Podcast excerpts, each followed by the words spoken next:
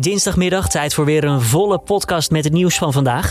Daarin hebben we het onder andere over het percentage positieve coronatests dat stijgt. En jeugddetentie voor pedojagers. En een Belgische boer die verplaatst per ongeluk de grens met Frankrijk. Dat en meer de komende vijf minuten. Mijn naam is Julian Dom. Het is dinsdag 4 mei en dit is de Nu.nl Dit Wordt Het Nieuws middagpodcast. Er zijn deze week minder coronatests uitgevoerd, maar het percentage positieve test is gestegen. Komt doordat minder mensen zich hebben laten testen vanwege de meivakantie. Tussen vorige week maandag en zondag hebben 410.855 mensen een coronatest laten doen. En dat is 16% minder dan de weken voor. Vooral jongeren lieten zich minder testen.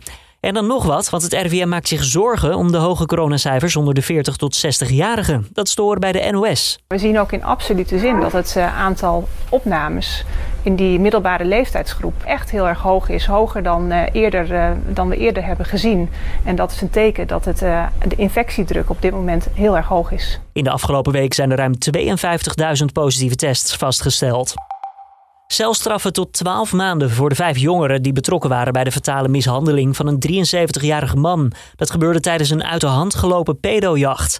Het slachtoffer werd vorig jaar aangevallen nadat hij online een seksafspraak met een minderjarige had gemaakt. Tijdens politieonderzoek is verder gebleken dat de groep bij meerdere van dit soort jachten betrokken was. Marine Le Pen is vrijgesproken door de Franse rechtbank voor tweeten van islamitische staatfoto's. De rechtspopulistische politica plaatste die beelden al in 2015. Dat deed ze nadat een journalist haar partij had vergeleken met de terreurbeweging. Het publiceren van zulke foto's kan in Frankrijk strafbaar zijn en de maximale straf is dan drie jaar cel en een forse geldboete. Le Pen ontkende echter iets verkeerds te hebben gedaan, maar haar actie leidde wel tot grote verontwaardiging in Frankrijk. En het UMC in Groningen waarschuwt jongeren voor een levensgevaarlijk drankspel. Het ziekenhuis zegt steeds meer patiënten binnen te krijgen die een glas bier met daarin een bierdop hebben opgedronken. Volgens deze jongeren kan het niet heel veel kwaad. Dat zegt hij bij de Telegraaf. Ja, niet slim, ten eerste.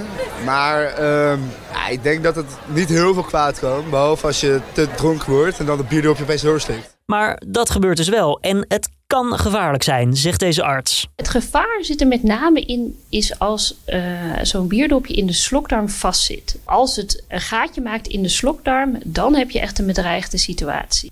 Het ziekenhuis roept op om een ander drankspel te verzinnen. Dan een Japans vissersdorp. Die hebben 200.000 euro aan coronasteun uitgegeven aan een standbeeld van een inktvis. Daarmee hopen de bewoners de toeristen terug te trekken naar de plaats. De Japanse overheid had in totaal 6 miljoen euro aan noodsteun geschonken aan het dorp. En dat was bedoeld om economische klappen op te vangen. Een deel van het geld is nu dus gebruikt voor een standbeeld van 13 meter lang dat in de haven ligt. Ja, critici vinden het geldverspilling en hadden het geld liever zien gaan naar medische apparatuur. Dan nog even het weer van Weerplaza. Het is wisselend bewolkt met buien. De temperatuur hangt rond de 10 graden. Stevige wind neemt vanavond ietsjes af. Morgen dan opnieuw buien, lokaal ook met hagel, hagel en onweer. En de temperatuur die blijft dan gelijk ook weer zo'n 10 graden. En om af te sluiten, ja, ophef door een boer in België. Die heeft namelijk voor nogal wat heisa gezorgd door per ongeluk de grens met Frankrijk te verplaatsen. Ja, een oplettende voorbijganger was het opgevallen dat een eeuwenoude stenen paaltje dat de grens markeerde zo'n twee meter was verplaatst. Ja, dat bleek het werk te zijn geweest van die Belgische boer die de paal maar lastig vond vanwege zijn trekker. En daarom had hij de boel maar opgeschoven. Zo'n twee meter in Frans territorium. Uiteindelijk kon iedereen er wel om lachen, ook de Belgische burgemeester die nu een iets groter dorpje had. Maar wel heeft hij gezegd de boer te vragen om de steen weer terug te zetten. En dit was dan de Dit Wordt de Nieuws podcast van deze dinsdag 4 mei. Tips of feedback zijn zoals altijd welkom via het bekende adres. Dat is podcast.nu.nl. Mijn naam is Julian Dom en tot morgen weer.